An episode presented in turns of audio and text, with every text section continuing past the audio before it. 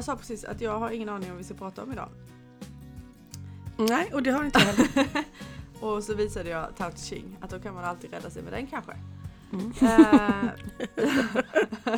det, det finns faktiskt en vers som jag har läst på sistone. Eh, som jag tänkte vi kunde ta. Nej, Ja. eh, den är fin. Eh, åttan. Mm. The supreme good is like water, which nourish, nourishes all things without trying to. It is content with the low places, places that people disdain. Thus Mm. it is like the Tao. Tao. Mm.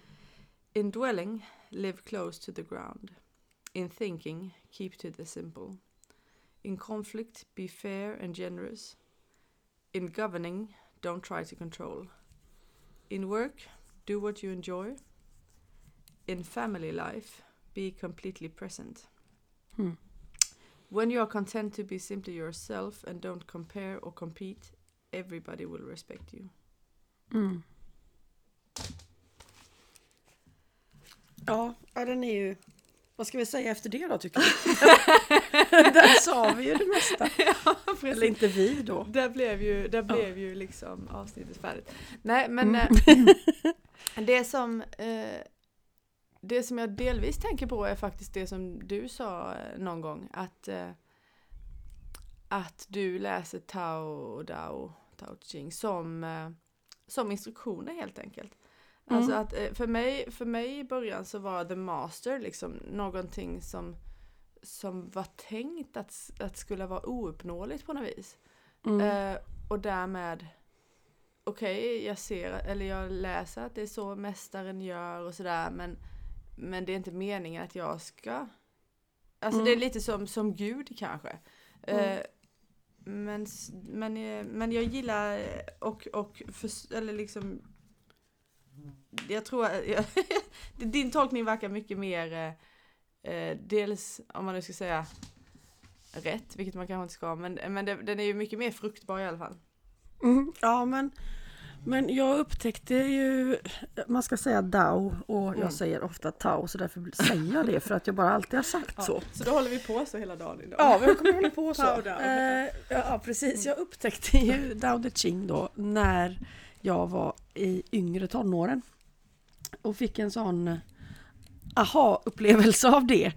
Eh, och jag tänker också att i den eh, både innocence, eh, alltså oskuldsfullhet som man har som yngre, för man har inte ännu eh, prövat världen. Så att allt, allting är fortfarande möjligt, även om det i mitt fall hade hunnit hända ganska mycket krångliga saker.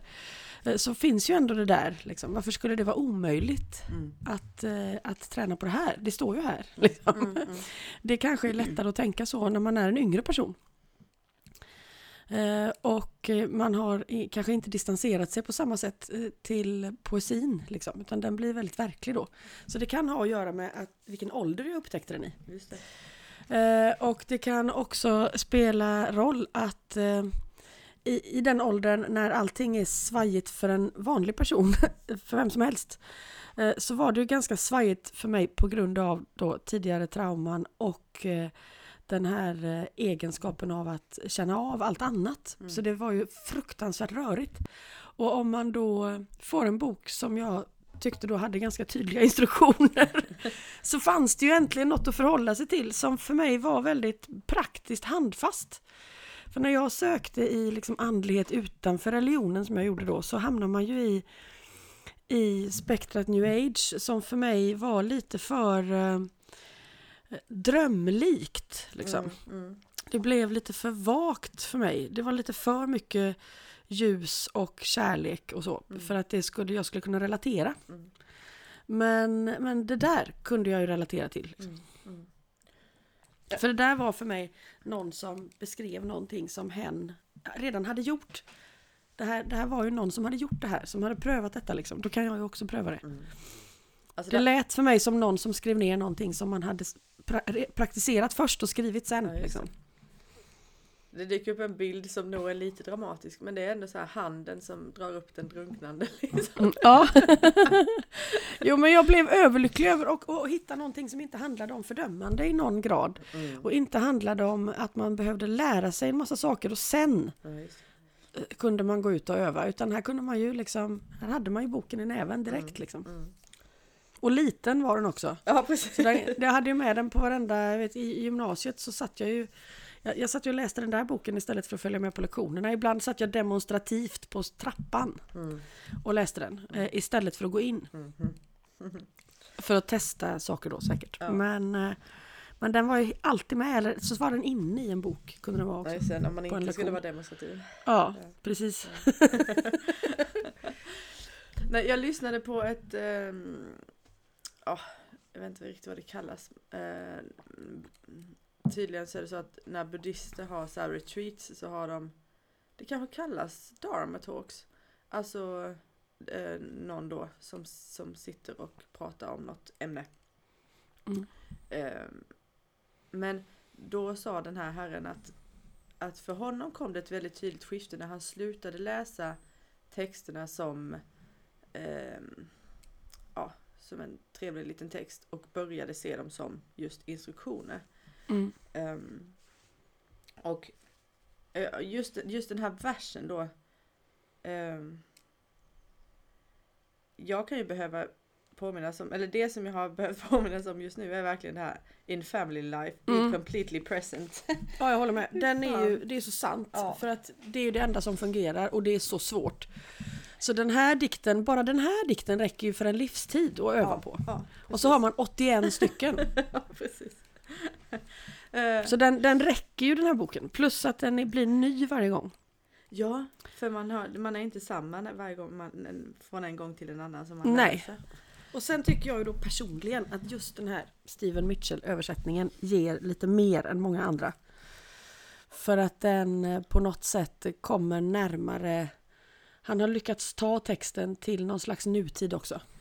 Ja, det har han ju verkligen. I, ja. i sitt uttryck, vilket gör den, tycker jag, gör att den kommer ännu närmare. Mm. Det finns översättningar som blir stolpigare. Eh, och eh, svenska översättningar har jag inte hittat någon.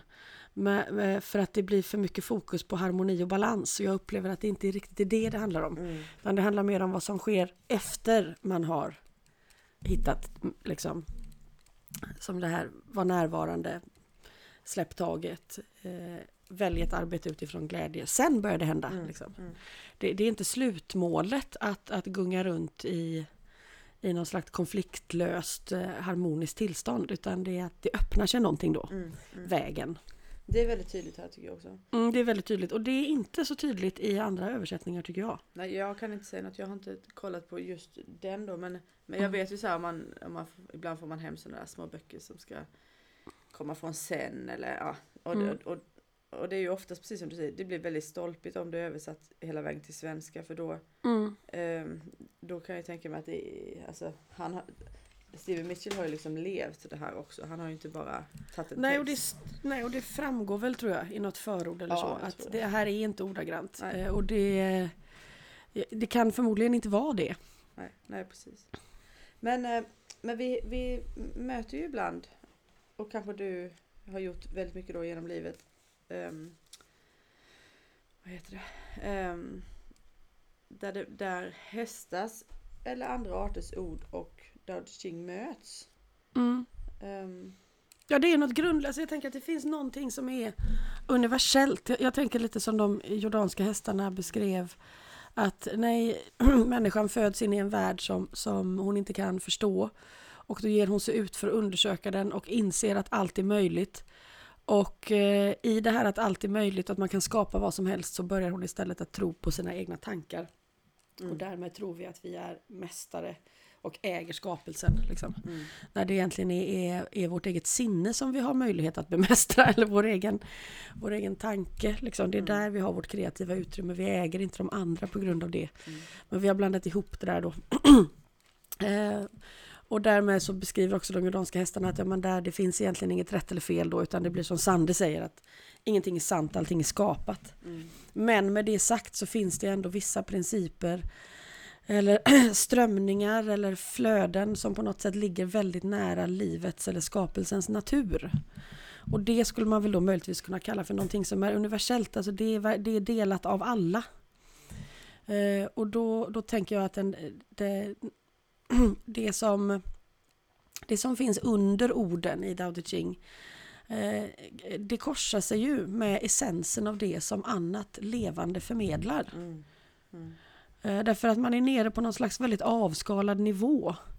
Det är inte liksom dogmer eller läror eller att man måste vara någon speciell för att kunna ta det till sig.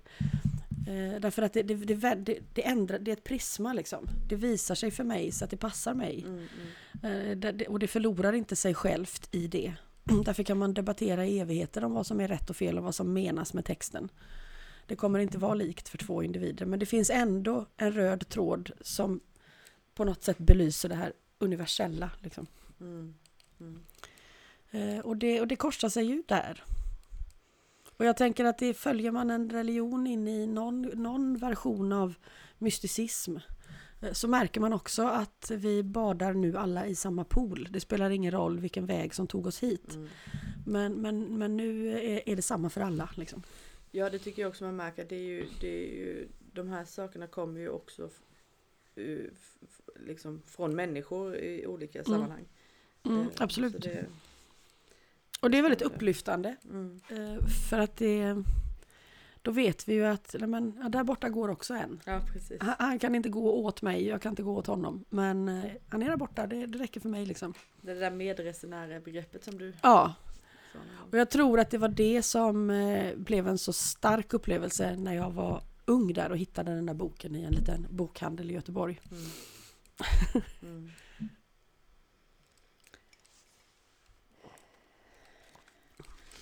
Ja, vi ska, jag ska titta på den igen. Se om, vi, om det är någonting mer vi ska gå in på här. Nej men jag, jag tänkte just på det här att, att inte veta vad vi ska prata om. Det att, och sen då att inte... Alltså jag hade ju säkert kunnat forcera fram någonting. Eh, men Det är ju inte riktigt därför vi är här, Nej, för då blir menar det ju, det. då sätter vi igång och presterar i alla fall då. Precis, och det det var jag tänkte verkligen på Tau då liksom. Nej, vad fan, Mm. nu, nu, det finns ju någonting i den ehm, Alltså för, det, för mig har den här känslan just nu en, en ganska speciell kvalitet av att Alltså ibland kan, kan det vara att man har ingenting att prata om för att ehm, Ja den här likgiltighetskänslan som jag har talat om. Mm, Eh, just det. Men, men just nu är det snarare så att att, att talet är ehm, eh, överflödigt eller oväsentligt. Liksom. Det, Mm. det, det, det räcker med upplevelsen av att sitta ner och, och vara. Eller titta ut över nejden eller på hästarna Mm. eller vad det nu är. Att, att liksom dela det där. Och då, då blir orden på något vis överflödiga. Ja, jag tycker sommaren har ju det där över sig också. Mm. Kanske Eh. sens, om man nu får kalla Mm. detta sensommaren. Men det känns lite mer så Mm. nu än i början när man springer runt som en yr höna bland. Mm, och tror att man ska komma ikapp. Sen, sen någon gång så inser man att så kommer det inte bli. Nej, precis. Eh, Så då sätter jag mig här Ja. nu. Menar, ja, verkligen. Precis Mm. så. Och på tal om universellt så, så kanske det är ehm, ja, men, årstidernas flöde eller naturens flöde också som man upplever i det. Mm. Ja, men vi har tillåtelse då under en liten period att gå utanför det vi förväntas. Liksom plikten och så. Mm. Innan den kallar in oss igen på hösten om man lever ett eh, cykliskt liv på det sättet. Mm. Det är svårt att undvika det i Sverige idag när, det, när barnen är med, tänker jag. Mm. Det finns Ja. skolplikt och grejer. Ja, det förändrar ganska mycket. Ja, faktiskt. Eh, Men men man får ju förhålla sig till det på något vänster. Mm. Mm.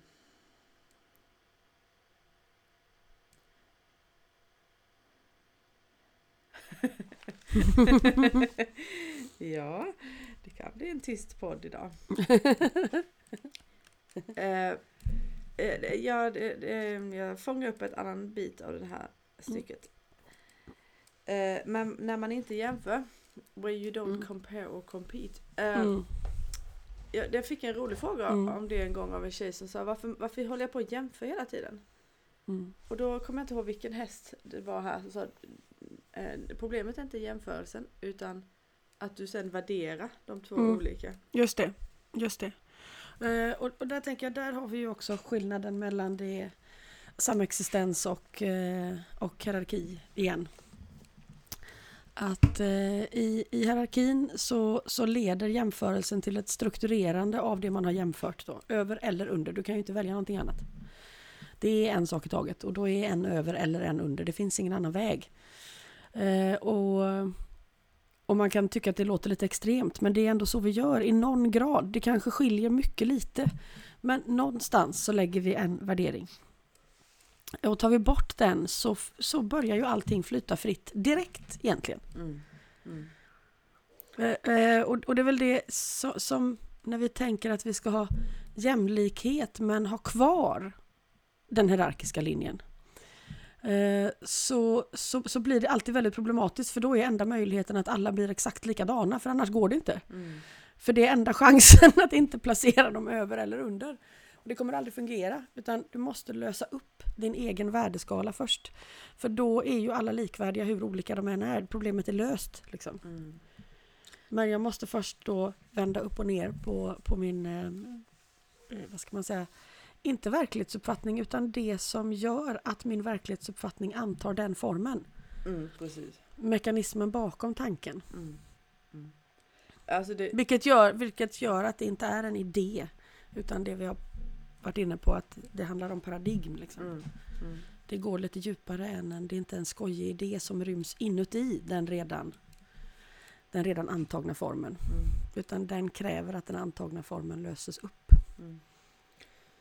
Ja, om man bara kollar på modern tid med alltså, jämlikhet mellan könen eller, eller rasism. Alltså det är så, det är så lätt nu att, att man bara att, att Alltså i många strömningar så ser man tendens att det, ska bara bytas plats liksom. Mm. det, det är ju det som händer då. Ja, mm. det, det, är inte...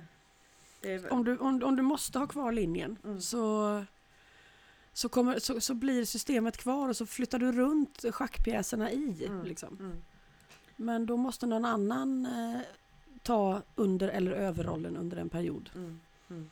Tills värderingarna har ändrats och så. Ja precis, så är det någon ja. annan. Mm, så är det någon annan. Ja, det, det, ja. Och det, det, där kan jag nästan, det, lite förvånad kan man ändå bli att man inte ser att det är en linje där.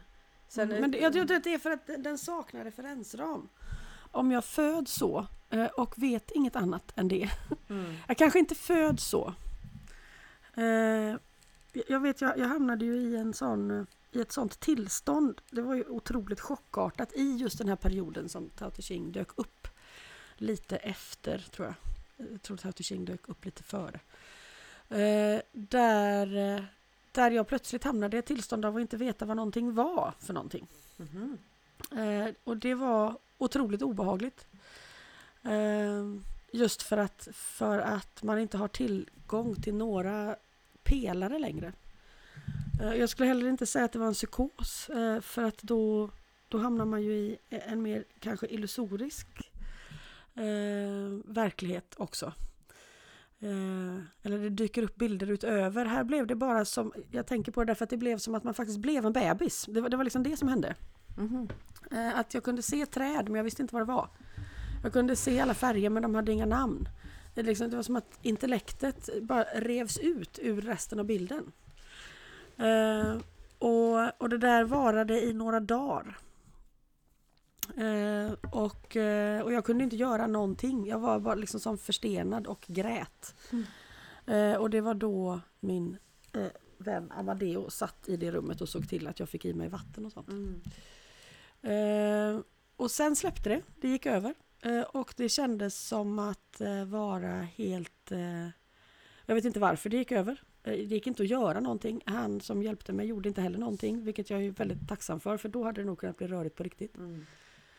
Uh, så släppte det uh, och så blev, blev jag liksom helt uh, hudlös. Jag vet att jag gick runt, jag bodde i Göteborg och jag gick runt i Göteborg och tittade på de här husen och allting och kände mig som alldeles öm på ett mm. inte otäckt sätt.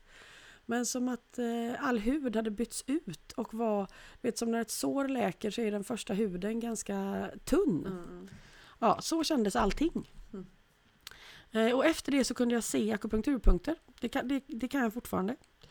Det här är jättemånga år sedan. Eh, och då tänkte jag att undrar om det var så att allting måste rasa för att någonting som inte fanns i min begreppsvärld tidigare skulle få plats. Mm. Eh, Jag, jag, jag vet inte om det var så. Eh, Men det kan ha varit så. Sen har jag i långt i efterhand hört att det här verkar ha hänt med fler människor på, som är just på någon form av andligt sökande. Det är väl på något vis att all, alla identiteter släpper på samma gång. Mm.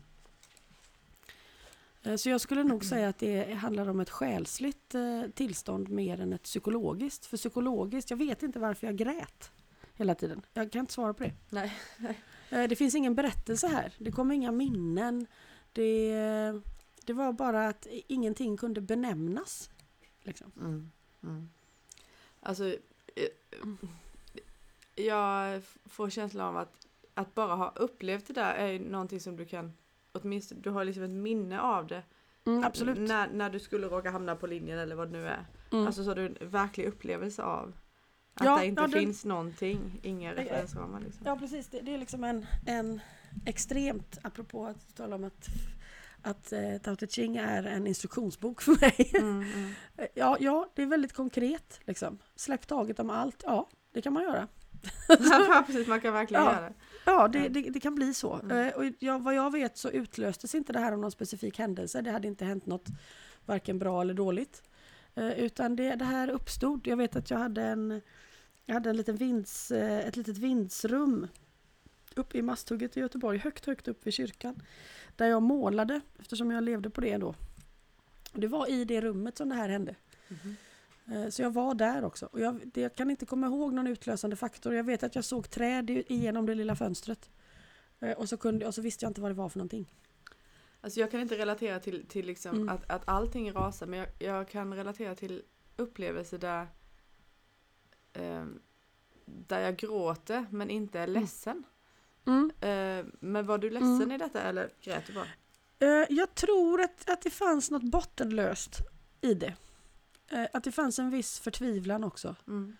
Men, men att man inte kunde veta vad någonting var, var inte förtvivlat. Det var bara som det var. Mm, mm. Hmm. Ja, spännande.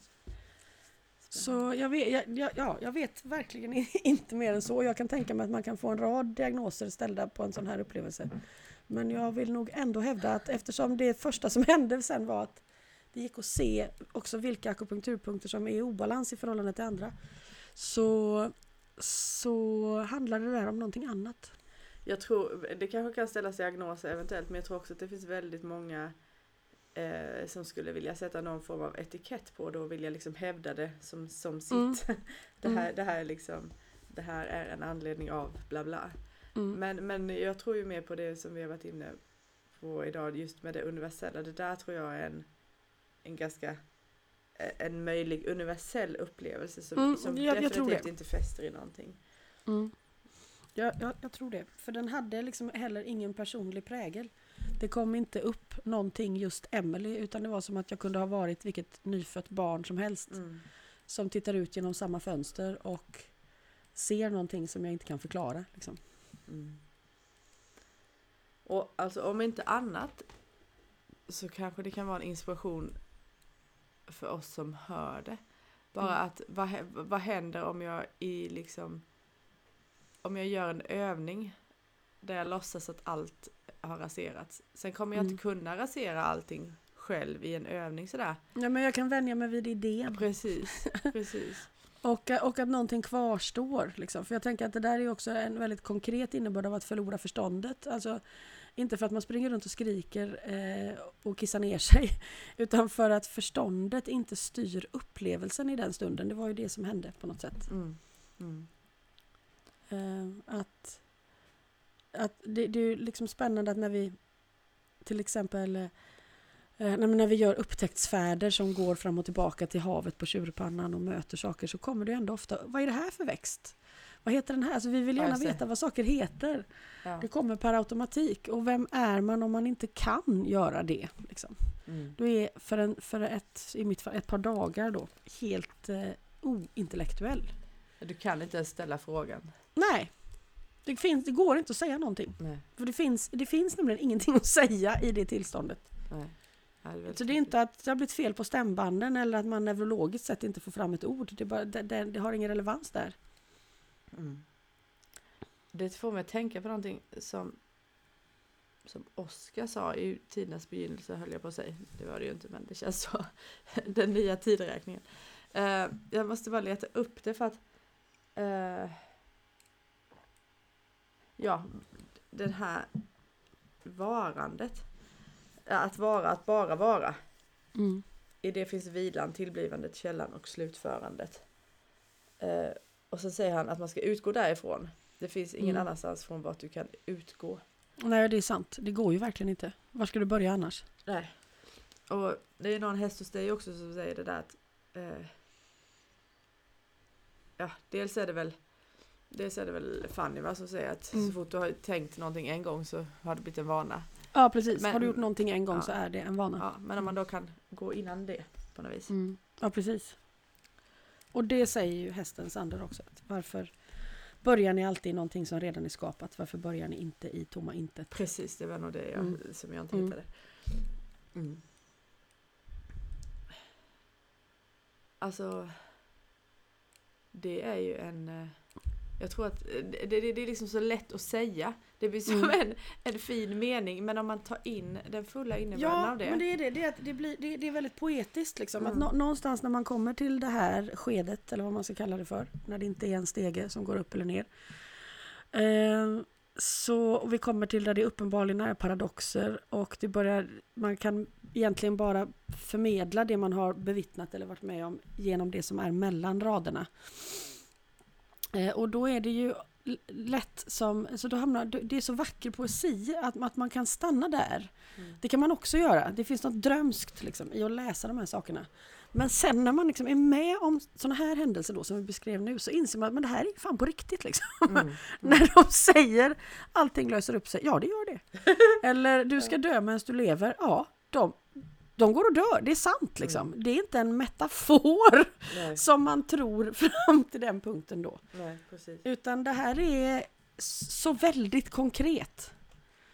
Eh, och det, jag tänker att eh, det tänker man inte på när man först kanske introduceras till just poesin. Om man gungar iväg där i det här väldigt, väldigt vackra eh, accepterandet som till exempel sufisk poesi. Där, där får ju alla plats. Liksom. Eh, och sen bara, nej men det här är ju faktiskt ett, ett nedtecknat vittnesmål jag läser. Mm. Det, är inte, Mm. det är inte en idé. Nej, precis. Nej, då är vi tillbaka på det där med Ja. instruktion. Alltså instruktion Ja. låter lite hårt. Vi, vi pratar mycket om att det, Ja. det är inga... Men, det, men, det, men om man säger det som du säger, det, det, här, det här är ett vittnesmål, det kan gå till på detta viset. Mm. Då kan det också vara en inspiration. Ja, det här, finns, det här finns för dig också Ja. och då är det väldigt konkreta steg man tar. Det händer på riktigt, det känns i kroppen. Mm. Det är inte att jag sitter bredvid och, och, och tänker ut men, medan Emily står tryckt kvar på sin plats. Utan Emily kastas ner i sjön igen och igen. Liksom. Mm. Mm. Det är det som händer.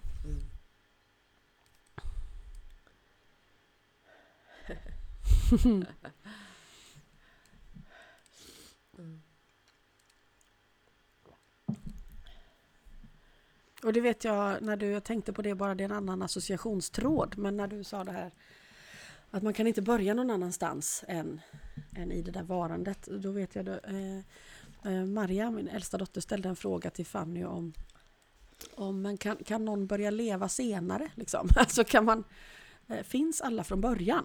Och då, det var Fanny väldigt tydlig med att ja, det gör man. Alltså Mhm. finns man så har man också alltid funnits. Nu är man ju, alltså Mm. vi är ju i Mm. tiden nu men vi Mm. kommer ju utanför, Mm. ur utanför. Eh, och sen menar hon att sen kan man ju ha, ha, ha levt tätare. Alltså att man kan ha gjort tätare cykler och därmed liksom kanske funnits, om man nu ska mäta på det sättet när ingenting är, är fullt personligt, men Mm. funnits fler gånger Mm. än någon som gör en mycket glesare cykel till exempel. Mm. Men, men man kan inte säga att någon kom sen. Så är det inte. Finns man så finns man. Ja. Alltså det där är ju, det är ju också liksom fysikens, ingenting försvinner, allt finns kvar. Ja, och hon var väldigt tydlig med det. Det betyder ju också att det, måste, det, det har liksom funnits från början på något vis. Men, Mm. men det, vi har ju, frågan dyker ju upp direkt då. vad fan var Big Bang egentligen? Hur, hur, hur kunde innan, hur kan, hur kan innan tid och rum Alltså det, jag tycker det är så spännande. Men det är, väl, det är väl att utanför tid och rum är ju inte en plats bredvid. Nej det kan det ju inte vara för då hade Nej, det vi- fortfarande vi- varit tid och rum. Ja, ja, precis. För vi tänker ju att liksom det, det som inte är i, i tid och rum, vi- kan ju bara föreställa oss tid och rum. Exakt, apropå det är ju att, det. Att, saker, att saker dras bort. Ja. Och då, och då tänker man ju att det här andra som man går till eller kommer ifrån. Det är Nangiala. Ja, det blir, blir också ett rum. Ja. Eh, Men, men det, det är ju, nej. Det är ju tid och rumslöst och där någonstans blir det mm, eh, Medvetandet har det. inget att fästa på. Nej, Och det är det, finns som är ingen poängen liksom. Eller Ja. poäng, det finns väl ingen poäng men det är så som det är bara. Ja, Mm. och när vi kliver in i världen så får vi någonting att fästa på. Mm. Därför att kropp och själ skapar en fästpunkt. Mm. Där medvetandet kan, eh, kan leva fritt. Liksom. Men- man kan, medvetandet kan dansa på det golvet. Mm. Jag, jag, jag hörde ju någon gång det här med att, eh, jag tror att det var energi och materia, att det är två sidor av samma mynt. Eh, Mm. och, och så tänker jag lite på med de här grejerna också, att det är liksom utanför tid och rum kan inte finnas om inte tid och rum finns. Alltså att, att det, och då är vi tillbaka till de här ständiga paradoxerna som vi pratar om. Mm. Ehm, men det är liksom På ett sätt är det därmed inte ehm, Det är liksom inte två entiteter. Det är bara egenskaper i, Mm. av samma sak. Men, men språket gör liksom att vi, vi Mm. skiljer dem åt. Mm. Sant. Eh, och av någon anledning så är det där eh, någonting, alltså det är liksom lite det, det fastnar i mig. Det, är liksom, det, på, det Mm. finns no, någonting attraktivt i det, jag vet inte varför men, men jag återkommer hela tiden till, till den typen av eh, jag får väl säga sätt att se på det eller, eller för, för jag vet inte vad annars man kan kalla det. Mm. Ehm, men, men jag tror att det också är lite behjälpligt som en instruktion i mitt liv om jag Mm. vet eh, eller om jag tänker att att ehm, att den, den, den alltså i, i någonting väldigt konkret och materiellt så finns alltid den andra egenskapen. Mm. Ja, och då, att de inte finns utan varandra. Nej precis. Eh, för annars, och, och då, då är det ju spännande igen med djurens eh, andlighet som vi har varit inne på så många gånger. att ju, ju mer de går åt det immateriella, ju väsentligare och med större liksom, eh, själfullhet kastar de sig ner i det materiella. Ja, I kroppen, Och, eh, i I upplevelserna. kroppen, i sinnesupplevelserna. Mm, mm, Eh, utan att torska dit på något slags ytligt beroende. Liksom. mm. Och det, därför att de här två sakerna skapar varandra. Och det är så lätt att tänka att ja, men det eviga är det som skapar det icke-eviga då. Och därmed är det lite, då är vi på värderingarna igen, då är Mm. det lite bättre. Liksom. Mm, det är dit vi ska. det, ja, det är dit vi ska, vi ska inte hålla på och tjafsa här. Mm. Ja, fast vi kan inte vara där om vi inte är här. Är liksom, sorry, men, men det är inte så att det är en väg ut vi letar efter här. Det är en väg in vi letar efter. I upplysningen. Liksom. Det är inte, vi ska inte härifrån. Glö, det, nej, det, det, så kommer det inte bli. Inte linje, du kommer inte en nämligen inte till vilja härifrån. Du kommer inte ens drömma om att vilja härifrån om du har varit i närheten Mm. av den känslan. Mm. Så är det verkligen. Så är Mm. det verkligen. Som Santos som bara, jag blev ju jätteförvånad när han bara Jag vill inte missa chansen att leva i kroppen liksom. Mm. Jag har, jag har hela tiden fått gå härifrån för jag, inte, för jag klarar inte av upplevelsen med hur det har varit men nu jag vill verkligen inte missa den chansen. Nej. Och det, det var nog första gången jag hörde det så, eller kom, det kom så nära mig i alla fall. Mm. Eh, Ja. Och där har vi ju igen, tror jag, en, hos ett litet barn som inte har råkat ut för saker som har förstört det här på något Mm, sätt. mm. Så finns ju den också. Att man vill dit. Liksom. Känna, smaka. Ja. Mm, mm, Man vill uppleva. mm. Mm. Jag mötte en häst igår eh, som, på tal om ett litet barn som inte har varit med om någonting hemskt. Jag, det, jag, det, det var... Det, det var inte sådär att... jag vet inte, hon kan mycket väl ha varit med om massa hemska saker men, men där hon stod idag så var det så, så var det så, så. Alltså, eh, jag tänkte på ordet tillit. Men, Mm. men hon går liksom så mycket utanför tillit för att Mm. för det, det, det finns så uppenbart ingenting att frukta. Alltså det är Mm. liksom, tillit kan man ha om man tänker att man behöver det höll jag på säga. Alltså det är lite så vi, vi tolkar ordet. jag, jag tror att det är så, precis, jag tror att det är så vi använder ordet. Mm. Men när man frågar djur om tillit, då är man ju mer inne på det du beskriver nu. Ja, det jag kan tänka Och det, och det vi tänker är tillit, det handlar mer om trygghet. Alltså, Mm. Eller en slags förvissning. Ja, men jag är trygg i det här huset för att jag vet att taket står så bra så att jag kommer inte få det i huvudet. Mm. Det är inte tillit per definition egentligen. Tillit är ju mer när vi pratade om faith, liksom. alltså att det, att det finns en tro, det finns ett, eh, det finns en, eh, det finns ett, något, ett osynligt element i tillit. Ja, Alltså jag litar på detta trots, jag har inga bevis för den här känslan. Den är, den är där ändå. ja, precis. Och jag, jag har Mm. heller inga bevis på motsatsen. Nej, Alltså det, det, Precis, var, verkligen, det var verkligen Mm. ett tillstånd där, där, där hon liksom inte skulle det, det, det, det, det är precis, det, det är mina ord sen när jag ska liksom, när jag ska, jag ska beskriva det här tillståndet så, så famlar jag efter orden och så blir det de där liksom. Eh, mm. men, men det var så självklart, alltså att, att, att jag tror att hon på delvis själv inte såg det. Det var som att Mm. simma i vattnet liksom. Mm. Ja, för det skulle typ. inte finnas något annat att jämföra med för Nej. det vore helt ologiskt förmodligen. Precis, precis. Mm. Men eftersom jag hade något att jämföra med Mm. eh, så ja, precis. Ehm, Hmm. det, men det, det, på något vis så, så Häftig utgångspunkt liksom. verkligen. Och, Mm. och kanske inte helt olik din när du gick ut där och var helt hudlös. Mm. Eller så var det mer skrämmande då kanske. Nej, det, det, det var inte skrämmande. Det var mer bara väldigt, en väldigt stark upplevelse skulle jag säga. Alltså att, att så här känns det att verkligen vara hudlös. Det var som att titta på världen mycket, mycket storögt. Liksom. Mm. Mm. Men det Mm. fanns inget otäckt i det. Mm. Det var mer en, en mycket, väldigt hög grad av sårbarhet och den skulle ju kunna vara otäck om det hade hänt något annat där kanske. Men jag kommer bara ihåg, jag kommer bara ihåg gatorna och husen liksom och att jag tittade så helt förundrat på det. Mm. För att jag förstod, alltså världen såg ju likadan ut men den var inte likadan. Mm. Ja men det är väl det någonstans som det här som vi nu då kallar Mm. tillit är att, att, att oförvanskat kunna gå storögd genom världen liksom. Mm. Ja och, så, och någonstans i den processen så vet jag att jag kan inte säga när i förhållande till just den händelsen men det var i samma, i samma liksom, period på något sätt så, så försvann också känslan hat. Mm. Alltså ilska, raseri, frustration, eh, alla sådana starka känslor är kvar. Eh, Men hat är inte kvar. Det är Mm. någonting annat. Mm. Det, det, är, det är något annat. Det är nästan som att hat inte är en känsla utan mer är... Ja, det äter sig in på ett annat sätt. Jag vet inte. Nej, jag, men jag tror jag förstår hur du menar. Det är, mer, Ja. det är nästan mer eh, ett, eh, ett koncept, någonting skapat av människan liksom. Mm.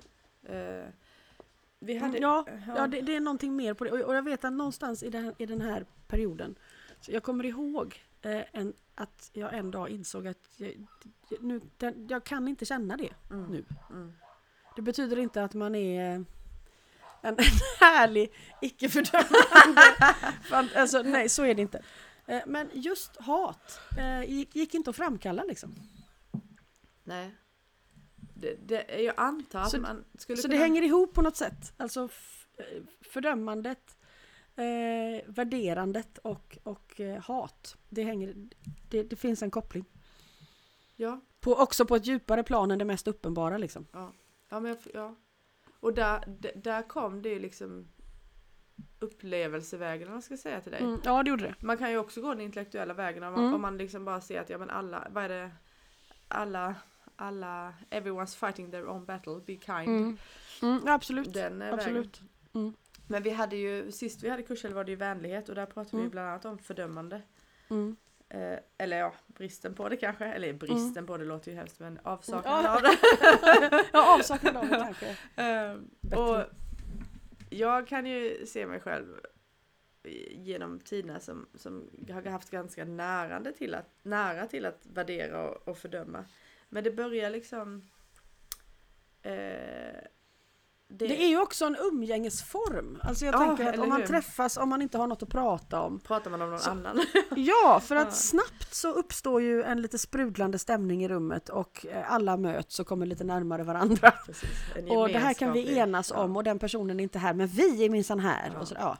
Det, så det är ju också, det är också ett sätt för oss att eh, på något sätt eh, identifiera gruppen. Liksom. Ja, och när du säger det så så vet vi ju, det har vi pratat om flera gånger, men att det är lätt hänt. Eh, också, eh, om man nu ska kalla det här kretsar som vi rör oss i nu. Eh, men alltså, ja men som på kursen och sådär. Det är, man får passa sig väldigt noga så man inte hamnar där. Mm. det blir Vi det har förstått något annanstans. som inte de andra har förstått. Ja, precis. Nej, det har du inte då. Eller liksom traditionell Ja. hästhantering kontra Mm. bi. Eller Mm. en NH kontra... Alltså jag menar, det Mm. blir lätt att man eh, Mm. hamnar där. Men, men, eh, Mm. men det, det, jag tycker ändå att eh, på tal om instruktioner och sådär att ehm, det är mindre av en vana att fördöma idag. Med andra ord, det jag vill Mm. säga med det är att det går. Det Mm. går liksom att, att vänja sig av med sånt där. Det, det, det går att vänja sig av med att gå runt i världen och titta på saker och ting och hela jävla tiden värdera. Ja det Mm. där var en fin squash, det där var en ful, det där var en Mm. liksom, vad vet jag, ah, det där är en kolfjäril men det där är nästan, ja vad det nu Mm. är. Ja, ja, men jag förstår precis vad du menar. Det går fan att vänja sig av med och det, är- det är en frihet där på andra sidan den dörren. Ja, absolut. Absolut. Och det är som du säger att det är väldigt hoppfullt att det här går att öva på. För man pratar mycket om den mänskliga naturen. Liksom. Ja, men människor är sådana. Liksom. Mm. Eh, det blir flugornas herre på något Mm. sätt om vi släpper lös oss. Eh, ja, det är också sant. Men eh, det går att öva på det andra. Mm. Eh, man måste bara göra det. Eh, det räcker inte att eh, veta om att man kan öva på det. eh, och så tänker man nu eftersom jag vet om det och har läst den här texten och tagit den till mig så har det redan hänt. Nej. Eh, men nu har du fått upp hoppet och vet att det är möjligt och snart kan du börja gå också. Precis. Det är nu det börjar. Ja, och sen när man har börjat gå så tänker man nu, nu har jag börjat gå så nu är det riskfritt för mig. eh, och så, nej. Så märker man, fan jag gick bara tillbaka till samma punkt. Ja, det var ett ja. ja. skit också. Ja, men jag prövade i alla fall. Jag tog mig, jag hittade dörren, jag öppnade den, jag tog mig ut, jag sprang in igen. Men det var på riktigt. Och jag kanske Det- kan göra det igen. Ja, jag kan, jag kan göra det igen. Mm. För nu, nu, jag kommer ju tillbaka. Jag överlevde, jag kan, jag kan göra det igen. Ja. Och, Och så kan vi stötta andra i deras övande också. Det kan vi göra. Ja, för där är vi ju tillbaka på lilla Watson igen. Mm. Att, att, att i, när vi, alltså det tänker jag väldigt mycket på nu när, när hästar här är gamla och eh, vissa är sjuka och sådär. Så tänker jag okej, your liberation, my liberation. Okej, Mm. vad, vad, alltså att, att faktiskt, det är inte så att jag bara tänker på det, jag försöker också uppleva det men Mm. eh, ibland så, så kommer jag medvetandet där, vilket jag tror kan vara bra att sitta, okej, vad, vad är det som jag kan frigöra mig från här? Mm. Eh, Eller hur? och och det, det är både jobbigt och eh, skönt. För vissa saker verkar man ju liksom klamra sig fast vid lite mer än andra. eh, På något vis. Ja, det gör man. Och det är väl, det är väl lite det som de säger det här. Eh, när, när de jordanska hästarna beskriver Mios principer eh, och en av dem är att, att allt måste rasa. Mm. Det är att livskraften kräver utrymme. Mm. Och till en början går det ju lätt för då plockar man ner saker som man kanske ändå, det är rätt skönt att bli av med liksom. Ja, Men sen inser man att nej, jag måste ju ta ner hela, hela rummet, hela huset måste gå. Mm. Och när man plockar ner stöttepelarna då, Mm. eh, då, då är det ju en utmaning. Liksom. Mm. Och, då, och då säger väl också just de vänskapshästarna att eh, då, då kan man eh, där kan det vara viktigt vad, vad eh, medresenärerna gör. Liksom. Det kan räcka med ett litet ord, en liten gest, en liten jag är här, jag ser dig, vad som helst. Mm. Eh, så, så, så bär det. Mm. Därför att vi gör ju inte det här för oss själva, vi gör det ju för oss själva och därmed varandra Mm, också. Då. Precis. Ja, det är verkligen den där stöttningen som du var inne på alldeles nyss. Mm. Mm. Och det blir ju i, i den liksom hierarkiska formen så blir det ju då att de som har klättrat upp på bergstoppen de är ju redan där. Och möjligtvis inte så intresserade av att hur många som helst kommer upp där för då blir det ju trångt och bökigt och så måste man omgruppera sig igen där uppe. Mm. Eh, så att en lagom mängd i, i eliten men inte för många. Liksom. Precis, det utvalda folket. Ja. Och, så, är- och så är vi där då. Mm. Mm. Och då kan inte det här finnas tillgängligt för alla. Då kan inte alla öva på det och alla kan inte nå fram och sådär. Mm. Ja, Eller som man också säger i hästvärlden då att ja, men vissa är, är födda att leda och andra är födda att följa och så. ja, precis. Eh, och så kan vi på något sätt ändå känna att ja men så är det ju faktiskt för det kan jag känna igen mig i och sådär. Ja. Mm. Ja, precis. När man, Mm. när man har en chef som är så här, då är det bekvämt. jo, men Mm. man missar... Ja, och det är ju det som du brukar säga också, det finns inga regler. Man kan välja att Mm. göra så också. ja det kan man. Men, men det finns... Mm. Alltså har man bara glimtat det där andra Mm. så ser man att det finns större upplevelser. Att, Ja eh, och då vill man kanske inte, då vill man inte till det andra igen. Nej. Och så dras Nej. man dit ändå Ja. av vana och eh, identifikation och rädsla och önskan att få vara med och sådär. Mm. Men, eh, men man har fått smak på någonting annat och det kommer att ställa till det. Mm. Man kommer inte få någon ro där, där man kanske innan var nöjd med att ha klättrat till en viss punkt. Nej, precis. Det kommer att- bli fort tomt där då. Det här, det, det finns ett begrepp som heter relativ rikedom tror jag. Eller något sånt där. Mm. Ehm, det är också något som måste falla bort. Och jag, jag, jag blev så attraherad av det där någon, någon gång för det, när jag läste om det. Att, att om vi hade bara kunnat nöja oss med det som var liksom top notch på 70-talet typ. Mm. Liksom då, då kostar inte saker någonting. Folk kommer kasta sina stora eh, tjock-tv efter dig. Liksom. Det är ingen som Mm. vill ha dem. Eh, men Mm. men eh, alla var jätteglada när de köpte dem Mm. liksom, för några år sedan. Men Mm. ska vi hela tiden hålla på och jämföra oss med grannen. Mm. Eh, för, att veta om vi har det bra eller inte. Vilket är ju Mm. helt absurt. Mm. Eh, men jag tänkte egentligen på en annan sak. Eh, för, för nu vet jag inte vad jag skulle gå med det där. Men eh, det här vi pratar om är att, att också släppa taget om det som, som man håller fast vid. Eller som kanske till och med är känns eh, positivt. Mm. Eh, jag var med om, eh, alltså igen då det här för att komma till konkreta saker. Eh, så vid något tillfälle så, det var en övning med andra människor. Då hade jag tyckte jag hade släppt taget om allt möjligt. Men så plötsligt fick jag släppa taget om den här gården, Fridhem, som vi lever på. Mm. Idén om att det skulle vara så jävla, alltså att, att, jag, att det skulle skapas en, en fantastisk inspirerande plats här. Mm. Vilket jag ju hade då tyckt var en, en positiv drivkraft eller ja, en, en bra Mm. sak att göra. Men Och det hade ju säkert också varit en positiv drivkraft. fram till Fram- den punkten. Fram ja. till den punkten. Så Ja. den fyller ju också en funktion som en sådan. Men, men igen då, på andra sidan den dörren så öppnade sig en väldig frihet. Mm.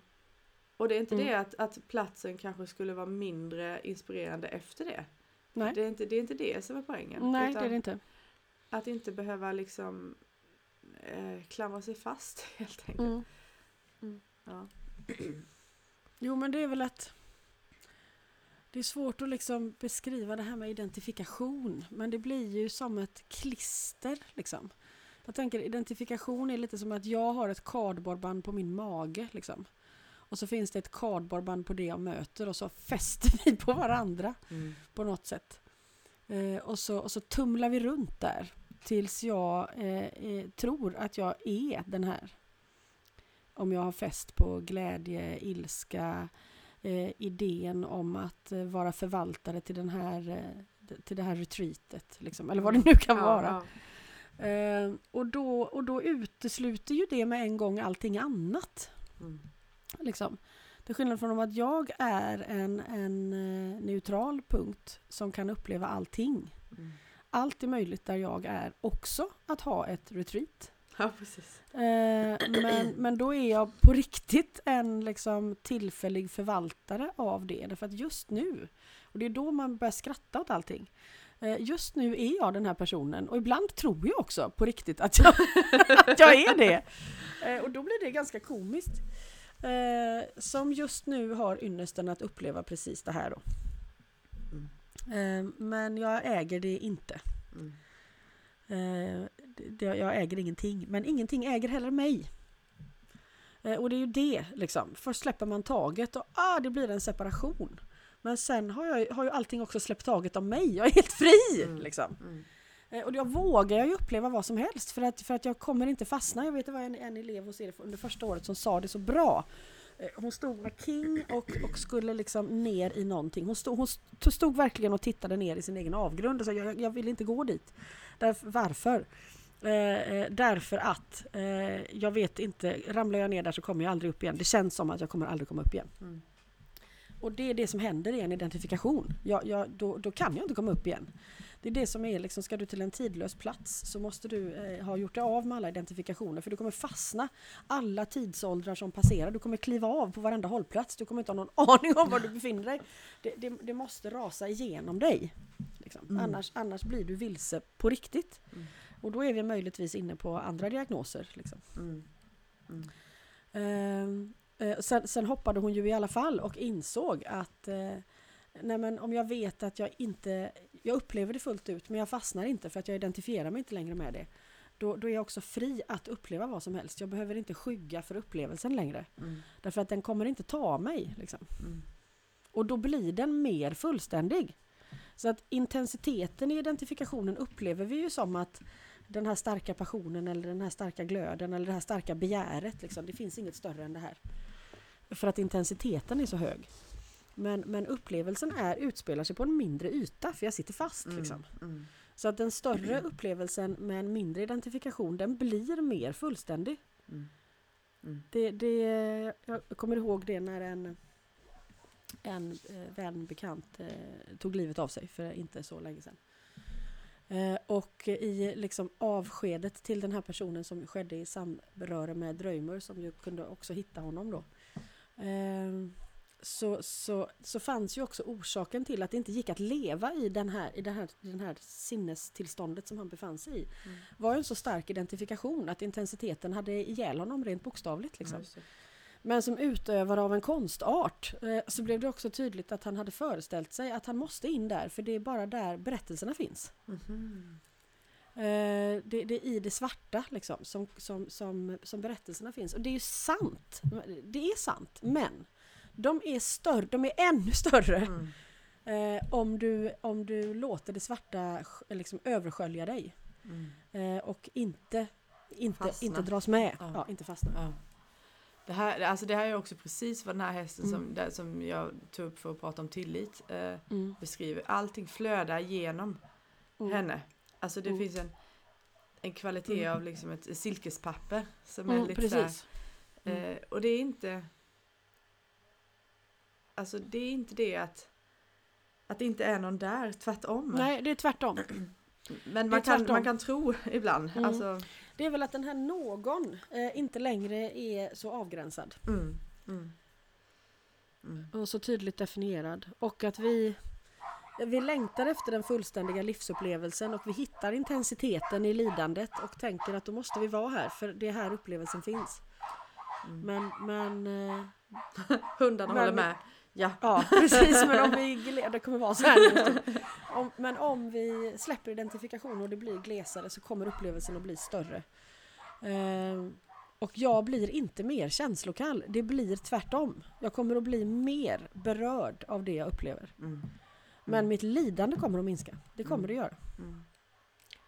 Också för att flödet för mig till nästa upplevelse. Inte på ett känslokallt sätt av att om jag skiter väl om den här dör för det står ju en till där borta. Inte det. Nej. Då är man avstängd. Mm. Men att ja, eh, i, i släppandet så kommer det också någonting till mig hela tiden. Mm. Eh, och det kommer att, att vara trösterikt på något sätt. Att det är så. Mm.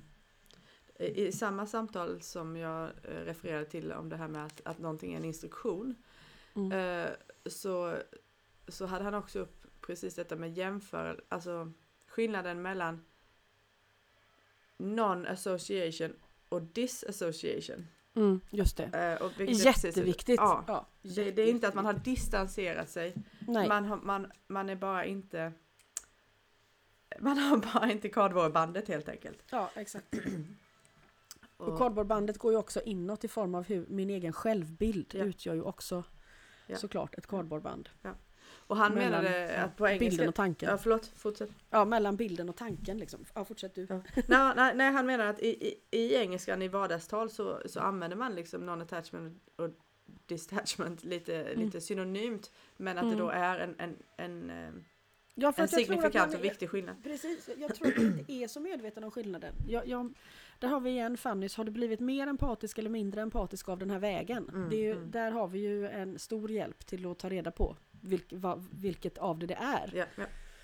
För annars så möter jag ju inte helt liksom sällan människor som på en andlig väg har blivit mer distanserade helt enkelt. Mm, mm. Det bekommer mig inte. Mm. Liksom. Nej, precis. Eh, Och, och, det, och det finns en slags värdering i att det är ett bra, då har man kommit någonstans. Mm, mm. Halvvägs upp på berget. Ja, halvvägs upp på berget, precis. Ja. Och nej, så är det, det, det är ett annat berg då, helt enkelt. Mm. Mm. På tal om någonting helt annat som kanske får, eh, vi kanske får börja runda av. Så, eh, så har vi fått kycklingar. ja, det, det, Mm. och, och, och det tar mig in i det här. Okej, hur gör man med kycklingar? Så Okej, men mamman kanske vet Tina. Det kanske Ja. inte du. Även om, och, och, jag får ju gå på hennes insikt och hon är ju ung liksom. Det är hennes första. Ja, eh, Hon har legat och ruvat då. men de har ju mycket instinkt. Ja. Så, Ja, bara det att hon ruvar, eller hur? mm, eller hur? Det är ju inte, det är ju en del som har fått det bortavlat men det kanske kommer tillbaka om man, jag vet inte. Men Alltså naturen har ju en förmåga att med jämna mellanrum spotta fram individer som står väldigt nära grunden. mm, Trots allt idogt avelsarbete som vi ja, ägnar oss precis, åt. Precis. Jag träffar på det på jobb hela tiden. Alltså, ja, det kommer in emellanåt hela tiden. Det är väldigt starkt avlade raser plötsligt kommer med helt andra egenskaper och ägarna blir förvirrade Mm. och tänker att de har gjort något fel. Ja, just det. Och ofta när man pratar med de individerna så beskriver de just att, att de är född med en mycket tydlig instinkt som de inte kan göra så mycket med. Mm. Och då har jag tänkt att undra om det här är liv, livet liksom som bara gör vad ni vill men jag tar mig fram ändå här. Mm. Mm. Jag, jag, jag, kanske vill tänka så. Men jag tänker så. Ja. Eh, För att i de här fallen har man inte kunnat härleda de här instinkterna på något sätt. Eh, I mamman eller pappan sådana här, nej, nej, ingen verkligen. Liksom. mm. Mm. Och så är det, vad är det för fel? Det kanske är det det inte är. Nej, precis. Det här är det grundläggande DNA. Mm. Ja. Nej, stackars hundarna har ju inte samma jag vet inte, jag bara tänkte på hund nu. Mm. Ja, jag tänkte också på hund, för det är här jag ofta, Ja, man ofta ser de här väldigt distinkt avlade egenskaperna Ja, tydligare extremt. än Hästraser är ändå mer lika varandra än vad hundraser är. Verkligen, verkligen. Och de har inte samma, de har inte samma fördel som, som de här bina som kan flyga och para sig även om, även om människorna tror att de liksom sköter det där. Mm. Det är inte, inte i samma utsträckning i alla fall. Det Nej. blir inte lika många avkommor liksom när, Nej. när hundarna gör den utflykten. nej, nej, så är det. Ja, det är jag, jag måste säga att jag har haft svårt att... Vi, vi- vi hade ju en fråga förra gången, eller om det var förra, förra om hur det, hur, om det var lätt eller svårt att möta insekter. Eh, Mm, just det. eh, Men Mm. eh, hönsen för mig är inte, inte jättelätta. Nej, Eh, men höns är ju inte jättelätta. Vi hade en, hade en övning med barngruppen med höns. Och, och det blir ju aldrig några lätta övningar liksom. Mm, Men, men jag tänker det kan också kanske vara lättare med en sån övning när man inte är så långt ut på den intellektuella punkt, liksom Ja, precis. skalan eller vad man ska säga. Men, men att där det beskrevs att de eh, har ju en konstant, eh, en extremt hög närvarograd. Mm. Alltså att det, de tar in mycket mer av rummet samtidigt än vad en människa någonsin kommer göra. mm, det är kanske därför man är Ja, körd redan från början. Ja, eh, och samtidigt är de hela tiden på väg någonstans. De, de letar alltid efter någonting. Mm. Så de har två, alltså de har inte bara den här jättehöga närvaron som är nog för oss att försöka med. Men den är också ständigt, liksom, den söker sig också ständigt hela tiden utanför sig själv. Mm. Och de här två för oss motsatta, rör, motsatta rörelseriktningarna är inte motsatta för en höna. Mm. Så ska vi kommunicera med dem då är det ju någonstans i detta hav vi hamnar. Och det är väl det de har varit inne på själva, att då kanske det handlar mer om att man får glimtar. Ja. Ehm, och det här måste ju vara en orsak till att vi tror att de är dumma i huvudet. Alltså att det, det är så svårt för oss att förstå att vi, vi drar den fantastiska slutsatsen att de därmed är korkade. Liksom. Det är en underbar slutsats. Så, ja, så måste det vara. Och så, I kombination med att de också har ett litet huvud jämfört med ett stort huvud. Då. Så, så har vi ju nästan bevisat det också egentligen. Och har bara några människor också sagt det så är det ju per definition sant. Och så var det, då vet vi i alla fall det. Liksom. Jag visste Men det det. märker man ju också på höfadderutskick som innehåller höns. Ja, att är där får man ju liksom skriva att det här eh, läs gärna flera gånger och så. Ja, precis. Jag visste faktiskt, eller ja, det, kanske jag visste att i vår kultur tänker vi att eh, höns och fåglar är dumma, men annars, det är ju Mm. i den Vi här... tänker också att får är dumma i huvudet för att, för att eh, de på något vis följer skalle. varandra. Ja, Ja, att de, de har liksom inte en så tydlig avgränsad identitet tycker vi. Mm, mm. De är lika varandra och de rör sig i grupp och det verkar korkat på något sätt. Liksom. Mm. Men just vad gäller höns, det är ju typiskt sån där, alltså man, man, om man ska öva på klickerträning så brukar man göra Ja. det på höns för att de är så Ja. jävla snabba. Man måste Mm, vara ja. bra på tajmingen där. De Mm. de är liksom, det, så där finns ju en, en större tilltro till Mm, det är ju intellekt i alla intressant. fall. Ja. Ja. Men det, men det var ändå skönt för mig att höra din, bes, din beskrivning där, eller deras beskrivning av deras värld. Och det, tänk, det fick mig faktiskt att tänka på din upplevelse där, ungefär när du mötte Tao Ching. Alltså Mm. av att, alltså sätter dig med en höna så hamnar man ju nästan där direkt. Ja, Allting raserar liksom. Ja, ja. ja, men det är det. Mm. Men det är då det blir så kul och liksom, för när man står där och allting bara "Oj." eh, och så läser man en bok så ja, men här har ju någon gått och kunnat berätta och skriva och det blir relevant för mig. Liksom. Mm. Mm. Så att det här att vi kan lämna spår och vittnesmål till varandra är ju extremt behjälpligt alltså. Mm. Det är Mm. inte, och där förstår jag att där blir ju såklart ordet instruktion krångligt för det skulle möjligtvis betyda att den andra försöker lära mig detta. Eh, och det försöker den ju faktiskt inte. Nej. Men en instruktion är ju ändå det går att göra så här. Ska du bygga ihop det här huset så sätt ihop den Ja, sidan precis. mot den Ja, sidan. då just går det. lite lättare. Precis. Jag, jag, jag förespråkar inte nödvändigtvis trähus framför lerhus men, men, Mm. man, men man kan göra på den, Mm. denna versionen. Ja, Mm, precis. ja precis. Ha, det här var en timme av inte veta vad vi skulle prata om. Det gick ju bra det med. Ja, det är jättespännande tycker jag. Det är ju, det, det är ju den längtan som alltihopa har handlat om från början. Mm. Att, eh, att eh, ge ett utrymme till att inte behöva uppnå ett mål med ett samtal. Ja. Därför att annars så, eftersom vi sitter i liksom tajta småbarnsliv och bor långt ifrån varandra och så. Eh, så blir det en jäkla lyx att ta en timme till och tänka, bara låta tanken få vara Mm. för sig själv liksom. Ja det är det verkligen. Och vi har också konstaterat att vi hade liksom inte gjort detta om det inte hade funnits en mottagare. Det hade, inte, det hade, det hade varit mycket svårare att göra platsen liksom. Ja, och vi hade inte skärpt till oss heller. Nej det hade vi inte. Det, vi finns, inte. det finns definitivt en lathet där. Ja, men det gör det. Och vi hade flamsat omkring. Ja. Eh, Och möjligtvis också dratt iväg på något eh, i den. Nej, det hade nej, blivit en annan grej. Ja. ja det är väldigt lyxigt. Mm. Verkligen. Mm. Hmm. Och, och en sista sak bara, just det där att, att vad ska man säga? Att kunna njuta av varandra utan, Mm. att, eh, utan att ha något att säga.